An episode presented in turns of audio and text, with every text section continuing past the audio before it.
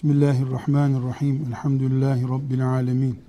Ve salatu ve selamu ala Resulullah Muhammedin ve ala alihi ve sahbihi ecma'in.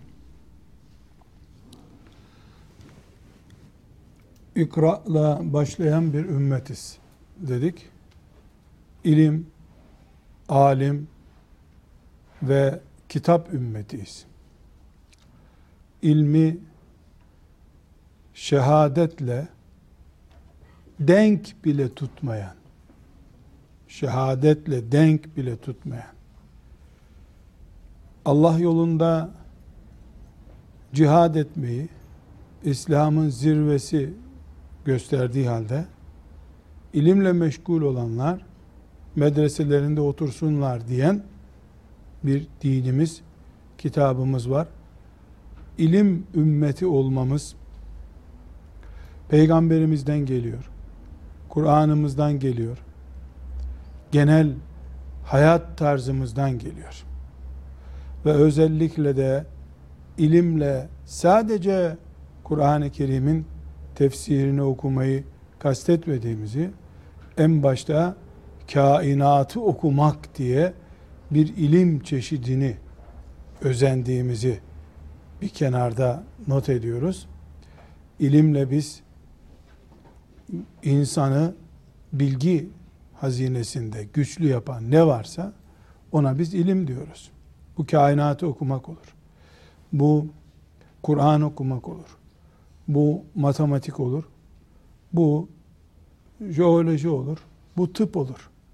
İnsan için bilgi olarak ne lazımsa dünyası ve ahireti için Allahu Teala onu mukaddes tutmuştur. Şüphesiz dünya hayatının uzunluğuyla ahiret hayatının sonsuzluğu oranlandığında yüzde yüz ahiret için olan ilimle yüzde yüz dünya için olan ilim arasında da değer olarak bu fark ortaya çıkacaktır. Jeoloji, işte toprak bilimi, toprakları, dağları, vadileri, nehirleri araştıran bilim dalı değerli. Neden değerli? Çünkü Kur'an-ı Kerim insanın yeryüzünde imar görevlisi olduğunu söylüyor. وَاسْتَعْمَرَكُمْ fiha. Allah yeryüzünü imar etmeyi, yaşanılır hale getirmeyi görev olarak vermiş. Dolayısıyla eğer yeryüzünün imar edilmesi e, Allah'ın verdiği bir görevse e, şu kadar yıl 10 yılda olsa, bin yılda olsa dünyada yaşayacak bir insanın yeryüzünü imar etmekle ilgili olacak bir bilimle adı bunun coğrafya olsun, jeoloji olsun, tarih olsun her neyse bir ilimle meşgul olması elbette Allah'ın emrini gerçekleştirmektir. Ama ebedi ahiret için lazım olan yani bunun milyon senesi, milyar senesi olmayan bir ahiret için gerekli olan e, Kur'an ilmi, hadis ilmi elbette jeoloji ile veya tıpla yahut da işte filan ilim dalıyla oranlanamayacak düzeyde büyük bir fark gösterir. Ama her halükarda ilim denen şey mukaddes bir leğende duruyor. Bu mukaddes leğende, bu mukaddes sinide duran ilimden Kur'an gibi ebedi ahiretin malzemesi olan kitabın puanıyla işte e, filan dağda altında ne maden var bunu araştırıp o dağı kazdıktan sonra da o ilme de o madene de bir daha değer verilmeyecek şekildeki bir ilmin e, herhalde aralarında bir miktar fark vardır. Ama biz ilim ümmetiyiz. Kitap ümmetiyiz. Biz e, alimleri peygamberlerin varisleri olarak gören ümmetiz. Bizden önceki ümmetler bilhassa Yahudiler peygamberlerine varis olan alimleri e, kıymeti bilinmez hatta horlanır kitle olarak gördüler. Allah'a hamdolsun ashab-ı kiramdan itibaren bizim ümmetimiz Resulullah sallallahu aleyhi ve sellem Efendimizin e, yönlendirmesinin bereketi olarak bizim ümmetimiz alimlere peygamber demediler o kadar. Hatta böyle parantez içi bir cümle olarak kullanmamızda da bir sakınca yok. Bazen neredeyse peygamberden değerli görecek e, sapık noktaya bile yanaşıldığı olmuştur. Yani o derece alimler üstün tutulmuşlardır. Hangi ilimde olursa olsun e, farklı zamanlarda örneklerini duymuşuzdur. Yani Abbasilerin yükseliş döneminde yani hicretin ikinci asrından sonraki dönemde Bağdat'ta alim kılığıyla yaşamak ki yani alimle kasıt sadece fıkıh bilgisi, hadis bilgisi, tefsir bilgisi olan değil. Yani herhangi bir şekilde e, bir ilim dalıyla, matematik de olabilir, fizik olur, tıp olur. E, özellikle tıp çok şaşalı günlerini yaşamış. Abbasiler döneminde Bağdat'ta alim olarak yaşamak yani herhangi bir şekilde e, bir vali olarak yaşamaktan çok daha onurlu. Çünkü valinin önünde zoraki insanlar saygı gösterirken alimin bastığı yeri bile mübarek gören bir kitle var. Aynı şekilde Emevilerin e, kurduğu bir e, devlet olan Endülüs devletinde alim olarak yaşamak, e, sultan olarak yaşamak demek. Saygınlığı e, sınırlı olmayan, sınırsız bir saygınlık gören bir reis büyük olarak yaşamak demek. Bu yüzden e, Avrupalılar bile Endülüs'teki ilmin ve alimin e, değerini e, bütün zalimliklerine rağmen orada kütüphaneleri yakarak, alimleri keserek doğradıkları halde e, itiraf etmek zorunda kalmışlardır. E, oryantalistlerden birisinin meşhur bir sözü vardır. Diyor ki e, Endülüs'ten diyor e, bize diyor ilmin onda biri kaldı diyor. Gerisini İspanyollar yaktı bitirdiler. Onda bir Endülüs medeniyetinin ilminden onda biri bize kaldı. Avrupa bu hale geldi diyor. Eğer bu onda bir değil de onda dokuzu bize kalsaydı Avrupa nasıl yükselirdi bunu hayal bile edemiyorum diyor. Yani demek ki uzaya e, 1900'lü yıllarda çıkıldı. Eğer Endülüs'teki katliam olmasaydı, Endülüs'teki kütüphaneleri e, Avrupalı medeniler yakmasalardı, alimleri kesmeselerdi, hayvan boğazlar gibi alim boğazladılar, insan boğazladılar, kesmeselerdi, herhalde 1700 yıllarda çoktan uzaya çıkılmış olacaktı. Burada arkadaşlar çok önemli bir şey var. İlim ve alim derken biz, ısrarla vurguluyorum, Endülüs'te, e, Bağdat'ta, e, Medinetü Selam diye adlandırılan Bağdat'ta alim sadece tefsir bilen demek değildir. 12-13 yaşına kadar tefsir ilmini kıraatleriyle beraber bitiren adama alim deniyor zaten. 12-13 yaşında tefsir okumuş, binlerce hadis ezberlemiş. 15 yaşından 20 yaşından sonra da matematiğe merak salıyor, matematik öğreniyor. Tıbba merak salıyor, tıp öğreniyor. Yani bizim bugün alim diye hürmetle, saygıyla önünde eğildiğimiz Subhanallah nasıl kendisini yetiştirmiş dediğimiz kimseler bu bahsettiğim Endelüs'te, Bağdat'ta çocukluk bilgisi olarak o bilgileri alıyorlardı. Yani temel bilgi, ilkokul bilgisi gibi bir bilgiyi biz şimdi o zamanın ilkokul bilgisi gibi bir bilgiyi biz şimdi uzay bilgisi gibi görüyoruz. Yani ilmin seviyesi maalesef düştü. Bu sadece sadece Kur'an ilminde değil. Sadece şeriat ilimlerinde değil. Matematikte de böyle. Şimdi mesela bu matematikte icat yapan insanlar filan onların matematik, fizik, kimya bilgilerini toplayın. Bütün kıtlıklara ve yani ellerindeki imkansızlıklara rağmen bu Avrupalı mucitler filan onları da kastediyorum. Bir bakın şimdi bir de matematikte e, profesör olmuş, doktora yapmış, doçentlik tezi yazmış, profesörlük tezleri yazmış bir adamı alın bir kenara koyun. O matematik profesörüne dalak nerede diye bir soru sorun mesela. İnsanın dalağı nerede? Akciğer mi üstte duruyor, karaciğer mi üstte duruyor? Bakın, ya bizim branştan değil bu. Yani matematikte böyle bir konu yoktur diyeceksin. Hayatla ilgisi olmayan adamlar. Yani şeriat ilimlerinde de şimdi böyle. Fıkıh doktoru mesela. Fıkıh profesörü makine gibi fetva kesiyor. Aradığın fetva var adamda. Sor Ali İmran suresi mi önce Nisa suresi mi Kur'an'da? Bitti. ilim bitti. Allah adına ahkam kesiyor. Kur'an-ı Kerim kaç sure ondan haberi yok. Ama ünvan var. Yukarı doğru çıkmış, yıldızları yükselmiş. Yani ilim şu anda küçücük kavanozlara kondu artık. Eskiden fıçılarda duruyordu. Büyük fıçılarda duruyordu. Şimdi kavanozlara kondu. Büyük büyük adamlar dedikleri şeyler küçük şeyler üzerinde büyüyorlar. Eskiden hem şeriat ilimlerinde hem de e, dünya ilimlerinde diye isim vereyim. Büyüyenler farklı büyü. Mesela İbn Sina'nın Kur'an-ı Kerim'de önce Bakara suresi mi Nisa suresi mi geldiğini bilmeyeceğini hayal edebiliyor musunuz? Doktor, o da doktor. Tıbbın babalarından biri.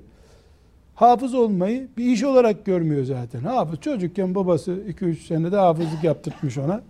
Yani hafız olmak, Riyazu Salih'ini ezberlemek, e, filan fıkıh kitabını bilmek ilkokul meselesi.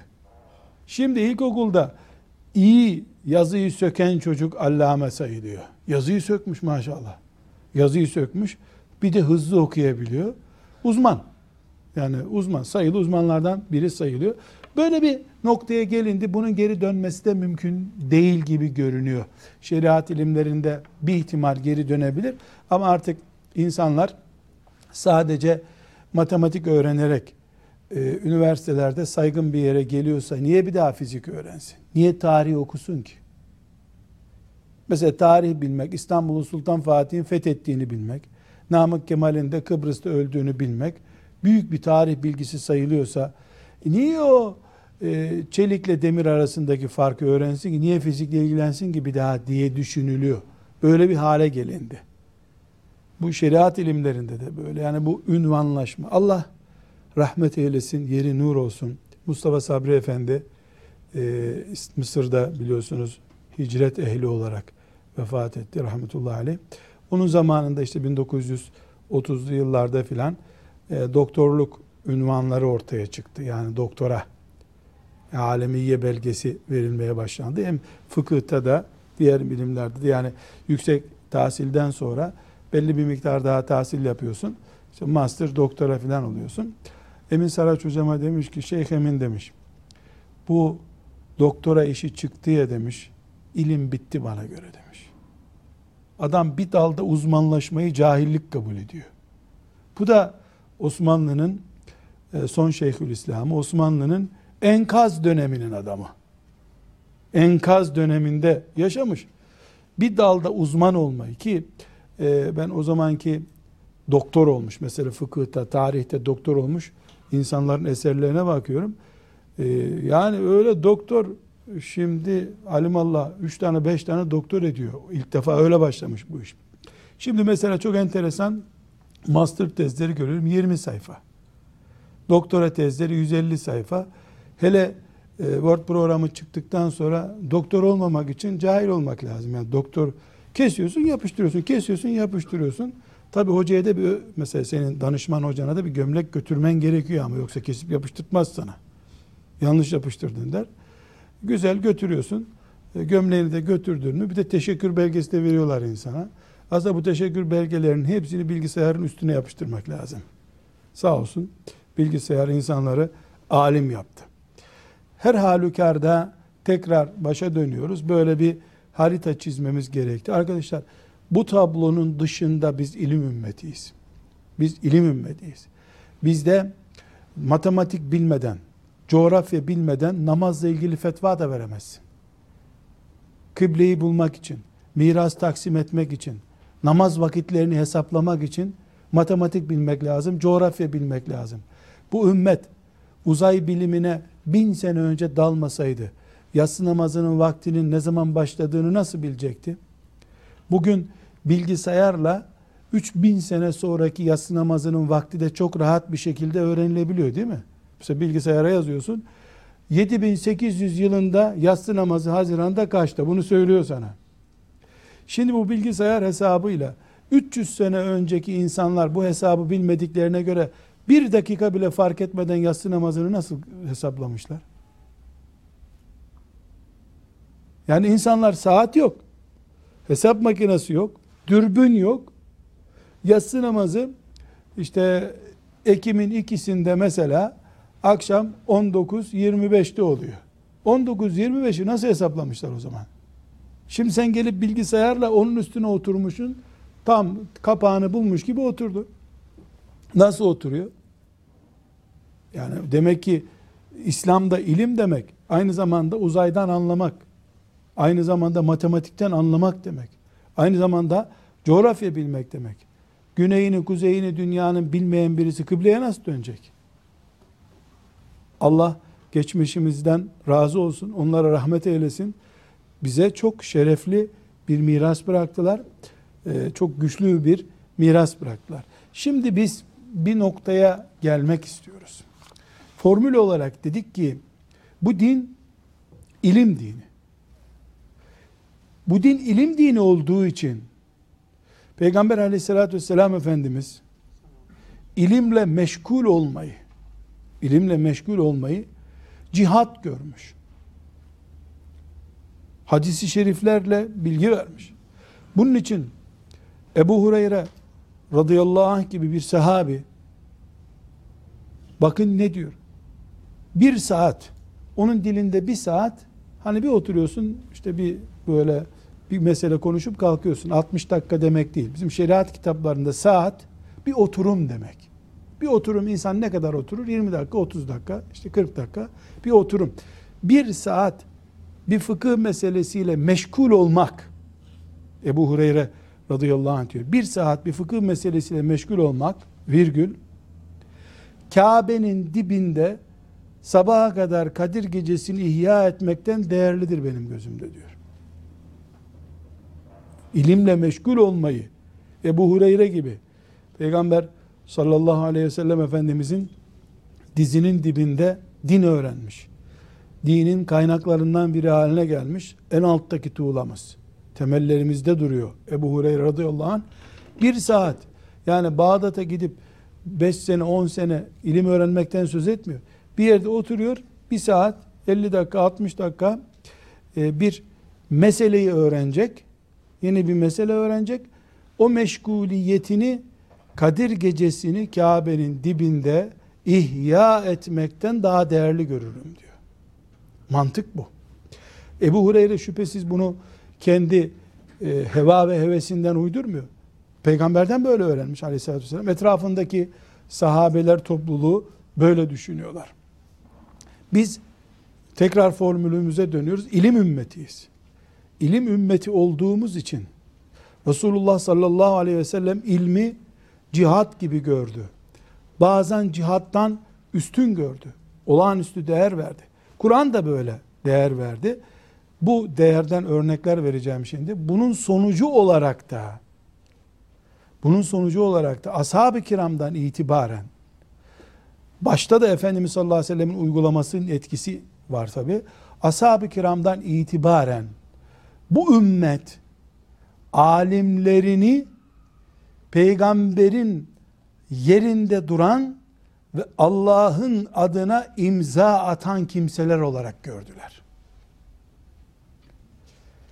Bizde alimler vatandaşlık seviyesinin çok üstündedirler. Herkes İslam devletinin vatandaşı ama alim o vatandaşlığın üstünde imtiyazları olan birisi. Bunu bu hale getiren de Allahu Teala'dır. Şehidallahu ennehu la ilahe illa huve vel melaiketu ve ulul ilmi kaimen bil kıst. Şimdi Ali İmran suresinin 18. ayetinden söz ediyoruz. Bu ayet Endülüs medeniyetini kurdu. Bu ayet Bağdat'taki medeniyeti kurdu. Bu ayet medreselerde sabahlara kadar karanlık bile olsa ilimle meşgul olan ilim ordusunu kurdu İslam'da. Şehidallah Allah şahittir. Ennehu la ilahe illahu. Ondan başka hiçbir ilah olmadığına Allah şahittir. Yani Allahu Teala'dan başka ilah olmadığının belgesi neymiş? Allah'mış.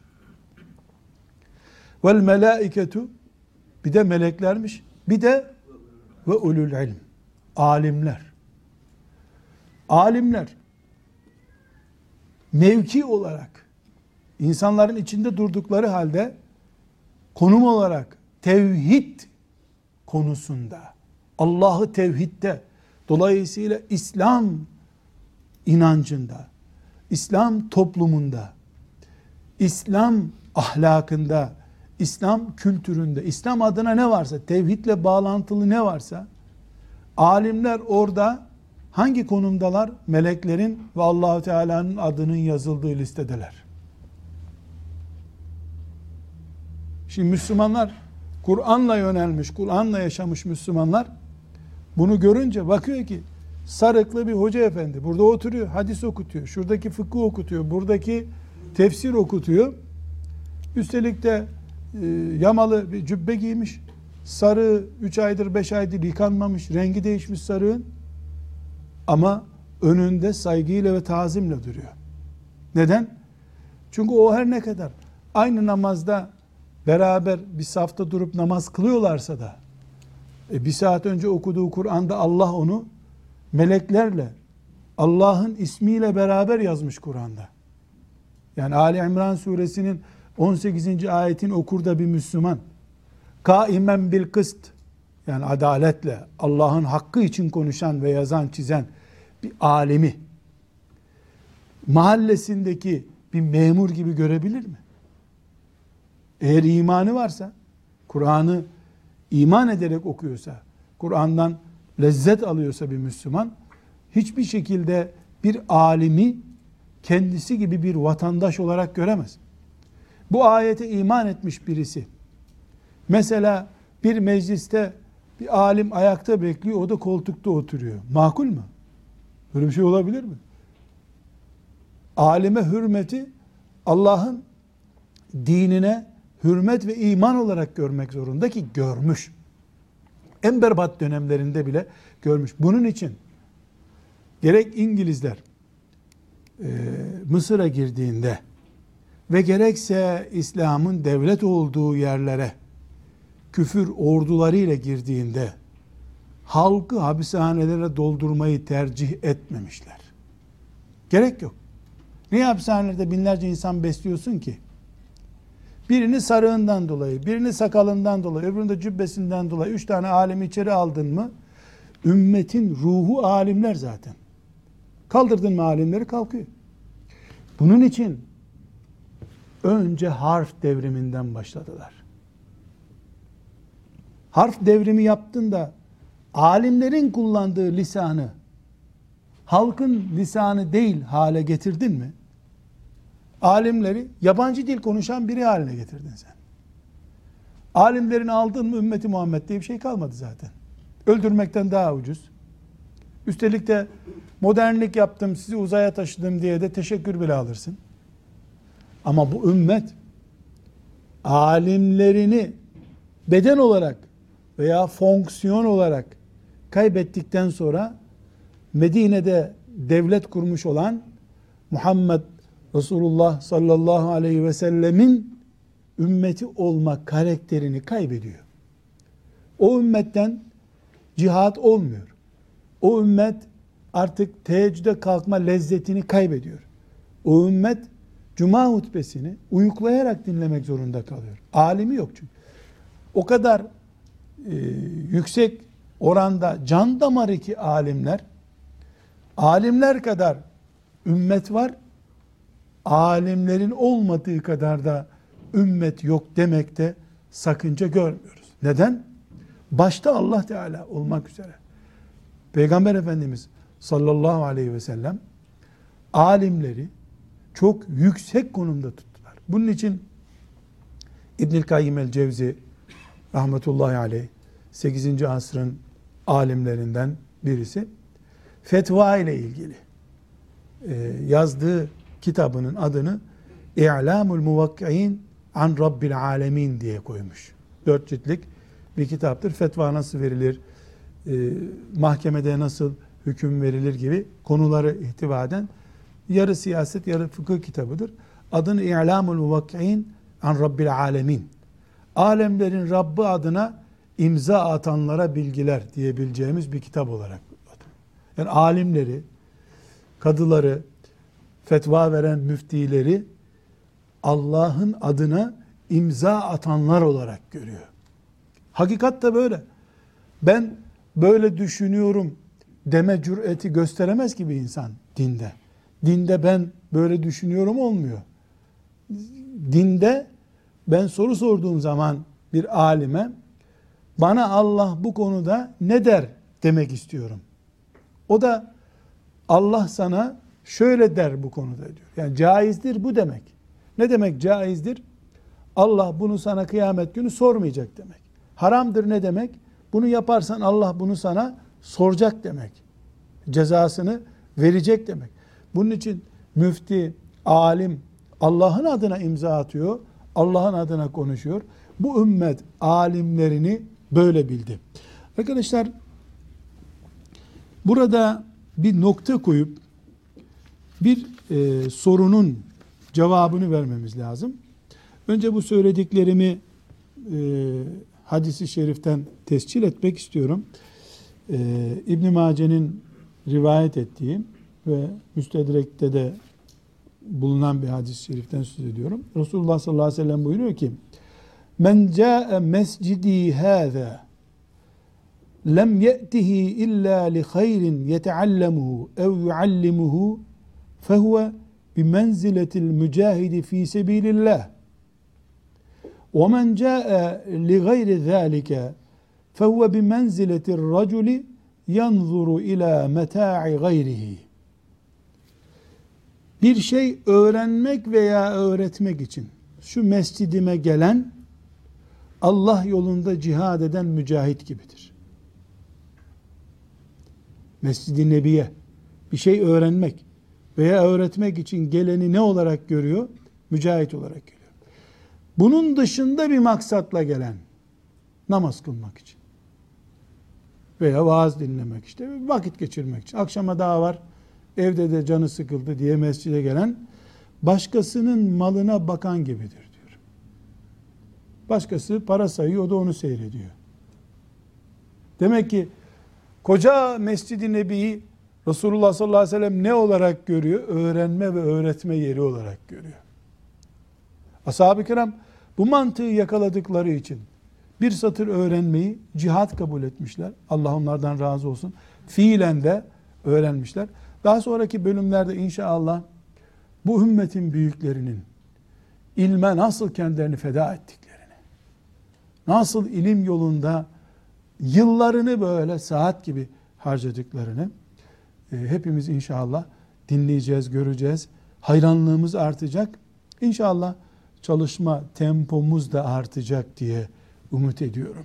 Zira başta söylediğim gibi biz ilim ümmetiyiz. Şu anda ilimle bağımız yok. Sadece beşeri ilimlerle değil, şeriatın ilimleriyle de ciddi bir bağımız olduğu iddia edilemez. Şimdi bir noktaya gelmem gerekiyor. Bu ümmet ilim ümmetidir dedik. Alim böylece ümmetin başında durmayı hak eden ve onu doldurmak zorunda olan birisidir. Burada alimler ünvan alıp bir kenara çekilemiyorlar. O ünvanların içini doldurmak zorundalar. Yani insanlar gelecekler, gece de seni kaldıracaklar, kalkacaksın. Ee, bir enteresan örnek rastladım bir gün. E, muhaddislerden birisine e, uzaktan bir talebe geliyor. İşte bir ara Nisabur bu Hazar Denizi'nin e, yukarıları ilim merkezi, hadis fıkıh merkezi. E, oraya geliyor. Bir muhaddise referans da getiriyor. İşte Yemen'den filancanın tezkiyesiyle geldim. O bir konuda uzman o zat. O zatın işte yanında 3 ay 4 ay duracak icazet alacak şimdi. Böyle bir niyetle geliyor. Ee, o da diyor ki vaktim yok diyor. Hep dersim var diyor. Ee, ben sana nasıl vakit bulacağım diyor. Ee, bir bakalım diyor. Şimdi Sabah namazında başlıyor talebesi. Sabah namazından sonra olmaz mı diyor. O saatte şuradan şuraya şuradan şuraya kadar ders halkaları var diyor. O olmuyor. Öğle namazından sonra diyor. O saatte şurada ders var, burada ders var. İkindi namazından, akşam namazından, yatsı namazından sonra e, adam düşünüyor ki yatsı yıkıldıktan sonra da e, herhalde yatacak bu adam. Biz sabah namazından yatsı namazına kadar işte 20'den fazla ders halkası sayıyor. Ders, şurada ders var, burada ders var. Her biri de bir medreseye gidiyor, bir camiye gidiyor, bir yere gidiyor. Orada onu bekleyen talebeler var. Onlara ders okutuyor. Tam gideceği zaman diyor ki sen diyor çok değerli bir insanın referansını getirdin diyor. Seni göndermek ayıp olur diyor. Benim diyor yasından sonra teheccüde kadar süren bir dersim var diyor. Sen teheccüd vakti gel diyor. Uyumam diyor senin icazet alana kadar diyor. Teheccüden sabaha kadar da ona ders veriyor. Şimdi Zehebi diyor ki Subhanallah diyor. Bu adam uyumuyor muydu diyor. Hiç dinlenmedi mi diyor. Hadi hep oturduğu yerde olsa neyse bu adam bir oraya gidiyor, bir o camiye gidiyor, bir öbür kasabaya gidiyor, dolaşarak ders veriyor. İlmi müthiş bir cihad olarak görmüşler. Bu ilim e, aşklarından örnekler vereceğiz arkadaşlar. Her yönüyle yani bu ümmetin geçmişindeki bu ilim heyecanı filme alınsa, böyle tiyatro oynasa birisi, filmini oynamak bile zor bir şey. Tiyatro niyetiyle oynanması bile zor bir şey. Her biri ilim deyince akan suları durmuş, kitap deyince e, damarları durmuş. E, hiç unutamıyorum. E, benim Sadullah 5 yaşlarındaydı. Ebu Güttü hocam rahmetullahi aleyh İstanbul'a gelmişti. Benim kütüphanem o zaman evdeydi. Ee, evde yatak odası ve mutfağımız hariç her yer kütüphaneydi. Ee, kitaplara yer yok. Ee, kitapları böyle e, çekişle sokacak gibi sıkıştırmıştım. Hoca efendi geldi biz ona kahve mavi yaptık. Ben biraz kitap bakayım Nurattin dedi. Buyur dedim. Kalktı. Sadullah da onun yanında dolaşıyor böyle 5 yaşında. Ee, bir kitabı tesadüfen çekti. Parmağıyla asıldı, asıldı, asıldı. Gelmiyor kitap. Bunu bana al dedi. Kenarlarından filan boşalttım. Bir tanesini aldım. Kitap böyle ezilmiş belli oluyor. Ezilmiş. Sadullah'ın kolundan tuttu. Dedi ki Nurattin dedi. Sen bu çocuğu dedi 20 kişinin arasında ezdin mi hiç dedi. Ne demek istediğini anlamadım. Bu kitap bu çocuktan değersiz mi dedi bunu ezmişim böyle dedi. Kitap böyle konmaz dedi. İki tane boşalttı oradan onları dizdi. Böyle parmağınla çektin mi alacak. Üzmeyeceksin kitabı. Üzmeyeceksin diyor. Allah rahmet eylesin. Şu anda gözümün önünde böyle canlanıyor. Yani deli demekten başka bir şey yok. Diyor. Kitap üzsen ne olur, üzmesen ne olur? Kağıt ne anlar üzülmekten? Ona göre çocuk. Ona göre çocuk rahmetullahi aleyh.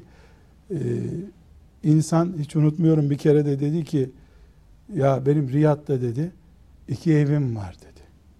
Bir tanesini karıma aldım, birinde kitaplarımı aldım dedi. İkisi bir arada oldu mu birbirini çok üzüyorlar dedi. Geçinemiyorlar dedi. Hele bizim hanım Suriyeli kumadan hiç hoşlanmaz dedi. Onun için iki daire almış. Bir oturduğu daire karşısındaki daireyi de almış. Ee, biz normalde kütüphaneyi okumaya gideriz. O şöyle dedi. Bazen hanımımın yanına gidiyorum oradan dedi. Abdest almak için filan hanımının yanına gidiyormuş. Allah rahmet eylesin. İlimden böyle zevk almışlar. Ee, kendisinden dinlemiştim.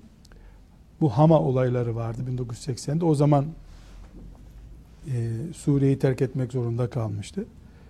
Çıkarken ben Suriye'den 25 bin kalem kitabım vardı dedi. 25 bin cilt değil. 25 bin kalem. O zamanlar kitabın kıymetini bilmiyordum, param da yoktu dedi. Elhamdülillah şimdi var biraz diyor herhangi bir üniversitenin kütüphanesinde 25 bin kitap var mı merak ediyorum. Sen bir sorsana üniversiteye 25 bin kitap var mı orada? Bir, bu hafta bir teberrüken kütüphane memuruna sor. Doğal bir kütüphane e, kaç kitapla oluşuyor filan ben kütüphane. Bak bakayım 25 bin cilt değil. Çünkü 30 ciltlik ansiklopedi 30 tane birden sayılıyor öyle değil. 25 bin kalem kitap talebelik döneminde adam oluşturmuş. Bir de diyor ki o zamanlar fakirdim kitap almaya param yoktu diyor. Kitap sevgisi bu ümmette müthiş bir şey. E, mobilya olarak değil ama. Mobilya olarak değil. Hatip Bağdadi diye birisi var.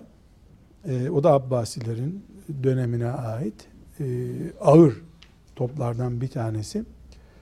Ee, ilim için yapılacak yolculuğun kurallarını anlatan kitap yazmış arkadaşlar. Talebe yolculuğa nasıl çıkar? Er-rihletu fi talebil ilm. Kitabın adı öyle. Tutmuşlar. Ödünç kitap verme kurallarına dair araştırmalar yapmışlar. Ödünç kitap verilir mi? Çok enteresan şeyler tespit ettim onlardan. Mesela e, diyor ki sıcak bir günde diyor e, bunaldığı için elindeki kitapla diyor bu şekilde diyor terini gidermeye çalışana kitap verilmez onun yanında durulmaz. Kitap düşmanı adam. Dinsiz gibi görüyor adamı. Yorulunca kitaplarına yaslanan adamı kitap iaresi yapılmaz diyor. Kitap emanet verilmez. İare emanet vermek demek. Yani kız verir gibi kitap vermeyi düşünüyor adamlar. Şimdi e, telefonla görüştün mü kızlarla da evleniliyor yani. Kitaptan daha kolay oldu kızlar şimdi. Yani Hatip Bağdadi'den kitap almaktansa kızını al herhalde. Daha ucuza mal olur. Hale gelmiş bulunuyoruz. Burada tabi e, Müslümanların kızlarının daha kolay alınmasına esef etmiyorum. Kitapların o halde olmamasına esef ediyorum. Şimdi bu şeyleri fazla uzatmak istemiyorum. Burada arkadaşlar bir konu bize bugün lazım. Biz ümmetin ilim ümmeti olmasına rağmen bugün alimlerin fonksiyonunu kaybettiğini görüyoruz. Bu kayıp bir, ilim de memurlukla ilgili bir branş haline geldiği için oldu. İki, alimler dünyevileşme kaymasına düştüler. O yüzden ilmi cihat olarak göremediler. Üç, siyaset başta hilafet olmak üzere kaybolunca Müslümanların elinden yani Müslümanlar okuyup da ne olacak? Vehmine kapıldılar. Dört, en az 200 senedir Müslümanlar normların üstündeki zeki çocuklarını Kur'an'a adamaktan imtina ettiler. Zeki çocuklarını, toplumun normlarının üstünde kalan çocuklarını başka branşlara kaydırdılar. Kendilerine göre de şer'i özürler buldular bunun için şüphesiz. İşte yok şuraya adam yetiştireceğim, buraya adam yetiştireceğim. Mübarek onun çocuğu ehli fıkıh olsa, ehli hadis olsa gitti. Müslümanlara mühendislikten bir daha umudu gitti gibi algıladı herkes. Neticede Müslümanların o branşlarda çok adamı oldu ama fıkıhta, hadiste, tefsirde Müslümanlar hala eleman kıtlığı yaşıyorlar. Hala Müslümanlar, hala kadınlar, gençler e, en en kolay veya en yoğun diyelim meselelerini soracak, öğrenecek kimse bulamıyorlar. Arkadaşlar hala bütün teknolojik imkanlara rağmen Müslümanların yüzlerce fıkıh profesörü olmasına rağmen yüzlerce fıkıh profesörü var. Fakültelerde fıkıhçı kaynıyor. Belki bin tane fıkıh doktorası yapmış insan var İstanbul'da. Hala 12 yaşındaki çocuklara göre ilmihal kitabı yoktur. Hala lise çocuğu için ilmihal kitabı yoktur.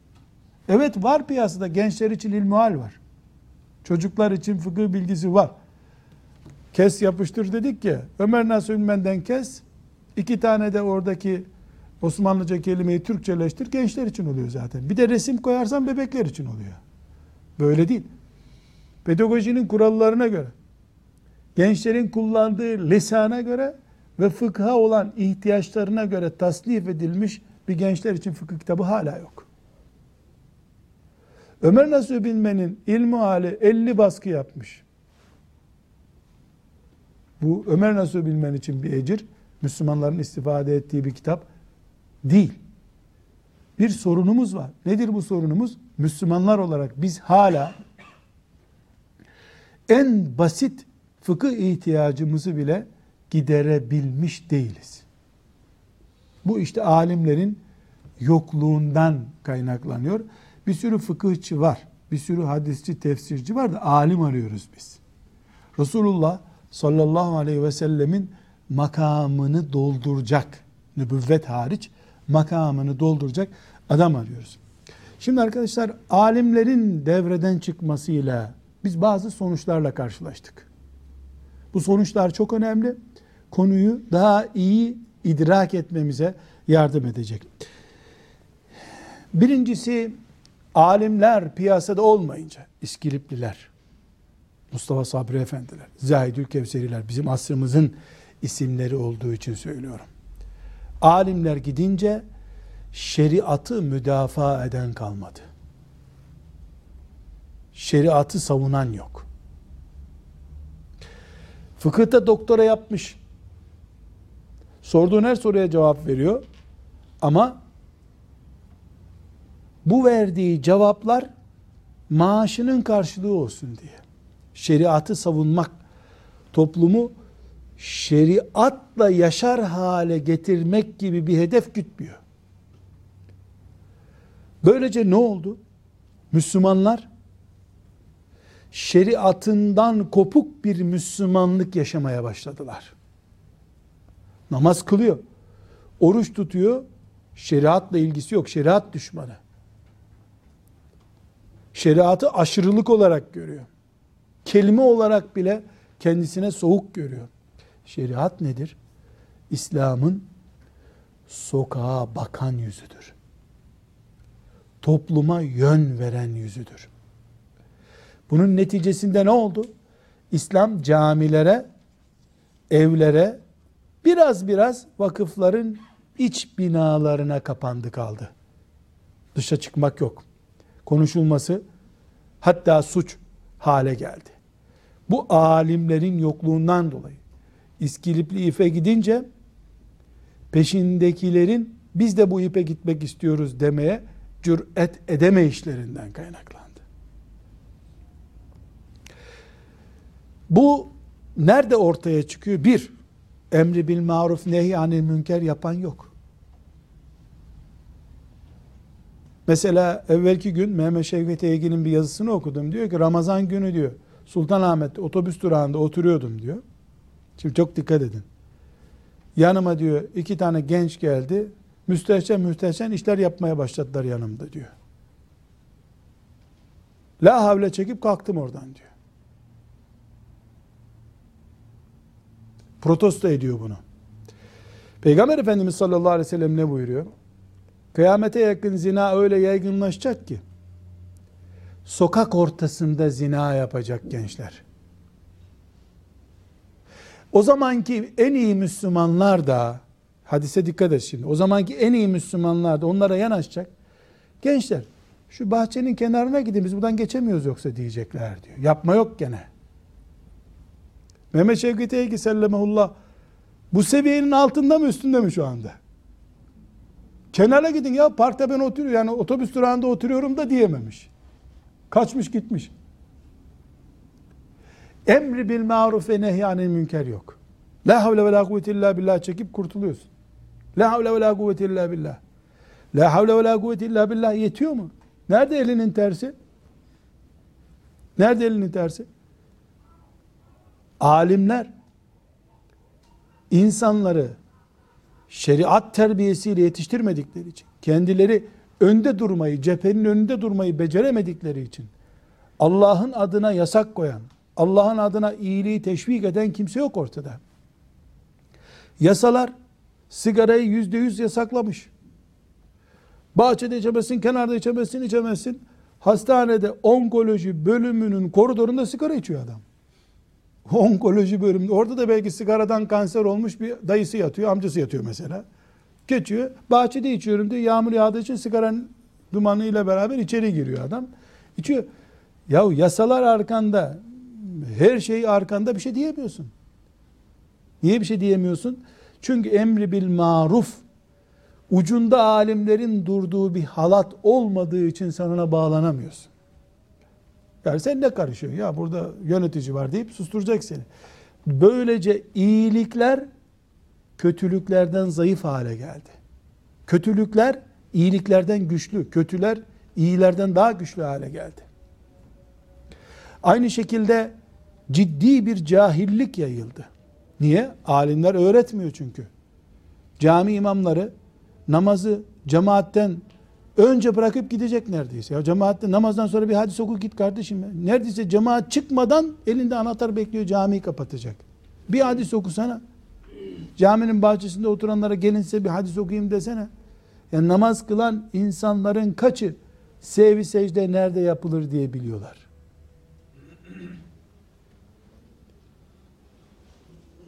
Hatta arkadaşlar istiğfar kelimesiyle istifra kelimesini bir kullandırın bakalım namaz kılanlara. İstifra ettim diyor mu istiğfar ediyorum derken. Birbirine hafif benzeyen iki kelimeyi bile ayrıt edemiyor insanlar. Bu derece bir cahillik. Başta dedi ki dil cahilliği başladı. Sonunda bu din cahilliğine döndü. Önemli bir şey. Üçüncüsü din garip hale geldi. Alimlerin önünü çekmediği bir din garip kaldı. Bu garipliği bayramlaşmalarda görebilirsin. Bayramlaşmalarda Müslüman ailelerin bile bayramlaşmasında sakallı bir genç hoş geldin denmeyen bir genç haline geldi. Din garip. Dinin en ince konuları konuşulmaz hale geldi. Dinle bağlantısı olduğu için Filistinli garip. Kudüs garip. Hala Kudüs Arap sorunu olarak biliniyor bütün dünyada. Neden? Çünkü din garip dinin sorunu, Arapların sorunu. Arap dini ya İslam diye düşünülüyor.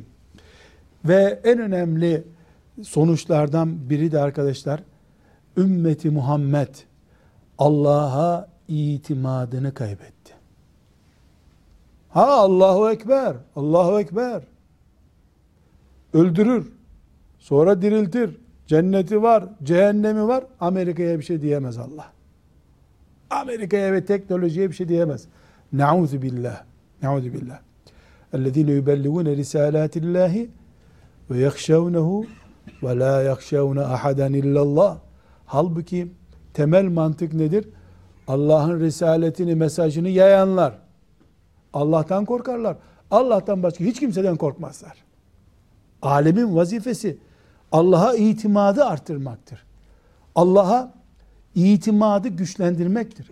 Halbuki alimler kendileri devreden çıkınca hem kendileri zaten bir fonksiyon icra edemediler. Kendileri devreden çıkınca ümmeti Muhammed'in de Allah'a itimadı azaldı. Bu cümleyi ben ulu orta söyleyince şüphesiz tepki çekecek. Ne demek itimadı azaldı? Doktora mı çok güveniyorsun Allah'ın şifasına mı? Ölçü bir. Teknoloji mi güçlü Allah mı güçlü? Böyle vicdanına bir sor bakalım. Bir sor bakalım. İki, üç. Çocuk hafız olursa niye aç kalıyor? Kur'an açların kitabı mı? Aç, açların kitabı mı Kur'an? Çocuk hadis okuyunca geleceği kararıyor. Ama kazara meslek lisesinde okudu da tornacılık para yağacak ona. Tornacılık okudu. Para o zaten paraya gömülecek. Ne bunlar? Allah'a itimadın azalması. Allah'a itimat azalması demek haşa ben güvenmiyorum Allah'a diyen bir insan yeryüzünde yoktur Müslüman olarak. Hristiyanlar bile böyle demiyorlar zaten. Ama ayrıntılara girildiğinde bu hastalık ortaya çıkıyor. Vücut sağlam görünüyor. Kandan parça alıyorsun 40 çeşit mikrop var. Rızıkta Allah'a güven yok. Gelecek güveni yok. Kafirlerin de Allah'ın ipini salması yüzünden yeryüzünde zulüm yaptıklarına inanç yok. Ama Allah'a güven var. Bu lafla güven. Bu hiçbir çare kalmayınca Allah'ı çare olarak görme hastalığı. Nauzubillah. Bu e, büyük bir afettir. Bundan Allah'a sığınıyoruz. Bir başka e, alimlerin bulunmayışının e, dedik ya doğurduğu sonuçlar var. Bu sonuçların yansımalarından biri de zulüm doğal hale geldi. Çünkü zulme baş kaldıracak alim kadrosu yok. Hatta alimler zulmün aleti, parangası haline geldiler. Yani bir başörtüsü diye zulüm ihdas ediyor adam. 20 tane müftü o gün topluca istifa edemiyorlar. Diyanet işlerinde yetkili kimseler bu zulme bizi alet edemezsiniz biz de istifa ederiz deseler. Başörtüsü yok İslam'da işte önemli olan şu bu diyebilir mi bir de adamlar? Bu sefer ne oluyor? İşte başörtüsünden örnek al. Başörtüsü zulmü doğal hale geliyor. Vettekû fitneten la tusibennellezîne zalemû minkum khâssah. Bir fitneye dikkat edin ki o fitnenin sonuçları geldiğinde sadece zalimleri vurmaz ha. Yani zalimlerin yüzünden başlar ama mazlumlar, alimler devreye girmezler. Peygamberin makamını ayağa kaldırmazlarsa zalim mazlum herkesi ezer geçer. Çünkü ümmetin başındakiler ashab-ı kiramın ve tabi'in ulemasının yaptığı gibi yapmak zorundadırlar. Burada bir sonuç daha çıktı arkadaşlar. Alimler de daire peşinde koştular. Yine e, Mehmet Şevki Eygi'den örnek vermek istiyorum. Büyüğümüz yani alim biri değil ama güzel tespitleri olan birisi. Diyor ki epey oldu bu yazısını okudum. Ya diyor fakir fukaraya burs verip okutmayın şunları diyor. Burs veriyorsun veriyorsun okuyorlar diyor. Hadi mezun oldun hizmet etsene. Üniversitede kalayım doktor olayım diyor. E, hizmetim artsın. Hadi biraz daha diyor. Haydi desteğe devam. E, doçent oldun profesörlük vermezler bana diyor. Tam profesör oluyor. Hadi hizmet etsene şimdi. Ya bizim çocuk evlenecek daire taksidimiz de var şimdi tayin çıkar bir sürü ben ne yapacağım diyor. Ondan sonra tayini çıkmadan ölüyor gidiyor. Müslümanlar da hizmet ediyor. Okutmayın şu fakirlerin çocuklarını ya diyor. Emekler boşa gidiyor diyor. Düşün. Tabii bu bir mübalağa. Ama maalesef yabani bir mübalağa değil. Yani Müslümanların sadakalarıyla oku. Günün birinde bir Müslüman çocuğu fakülteden atılmaktan kurtarman gerektiği zaman da sen devreye girmekten çekin. Müslümanlar derilerini, bileziklerini toplayıp satıp e, seni okutmuşlardı ama. Bugünleri çabuk unutuyorsun. Dolayısıyla e, dünyevileşme alimlerin arasında yaygın hale geldi. Bir afet olarak tabi. Bir afet. Büyük bir afet bu. Çünkü ahireti hatırlatma görevi olan birisi kendisi dünyaya tapınıyor. Allah sana cennette köşkler verecek diyor. Kendisi dünyada bir daire için yaşıyor. Nesullâhe fe nesiyehum. Onlar Allah'ı unutunca Allah da onları sildi defterden. Hiçbir işe yaramadı. Böylece alimler bir apartman dairesi için şahsiyetlerini ortaya koyduklarından 40 hadis okusalar tesir etmiyor. Kur'an'ı baştan sona tefsir etse kimse onu takmıyor. Neden? Kendisi dünyacı zaten. Sen kendin dünyaya tapınıyorsun, bize ahirete hazırla diyorsun diye insanlar onun gözüne bakıyorlar. Burada arkadaşlar önemli bir sonuç daha devreye girdi. Alimlerin zayıflamasıyla beraber din ticareti piyasaya çıktı. Din ticareti diye bir ticaret oluştu. Niye? İslam değerli. Din değerli, sahibi yok. Devlet büyük bir güç olarak İslam'la ilgim yok diyor benim. E, tarikatlar vesaireler İslam'ı bir ucundan tutuyorlar sadece. E, bir vakıf kuruluyor, o öbür ucundan tutuyor. İslam'ın bir sahibi halifeydi. Her taraf ondan sorumluydu. Halife de alimlerin desteğiyle ayakta duruyordu. Ulema kadrosu yok. Ulema kadrosu olmayınca din değerli, hırsızı çoğaldı, ticareti çoğaldı. Bel'am bin Ba'ura tipler çıktı ortaya. Neden? Adam 50 sene yaşadı yaşadı isim verirsem gıybet olur bir isim vereceğim. Ee, eski Milli Gazete yazarlarındandır. Bu zamana kadar hep cemaat için yaşadık biraz da kendim için yaşayacağım deyip gidip milletvekili oldu şimdi.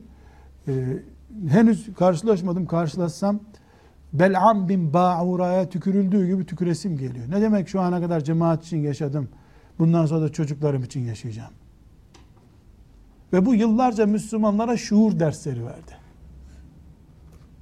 Şuur dersleri verdi. Böyle hafif cemaatten uzak olanları e, küfürle itham etti. Bel'am bin Ba'uralar ihdas oldu. Bu din ticareti olarak. Nedir Bel'am bin Ba'ura? Ömrünü ibadetle geçirip sonunda şeytana kul olarak ölüp gitmek. Ve kâne minel gâvin. Berbat oldu gitti Allah Teala buyuruyor. Ve ikinci olarak da alimul lisan diyor Efendimiz sallallahu aleyhi ve sellem.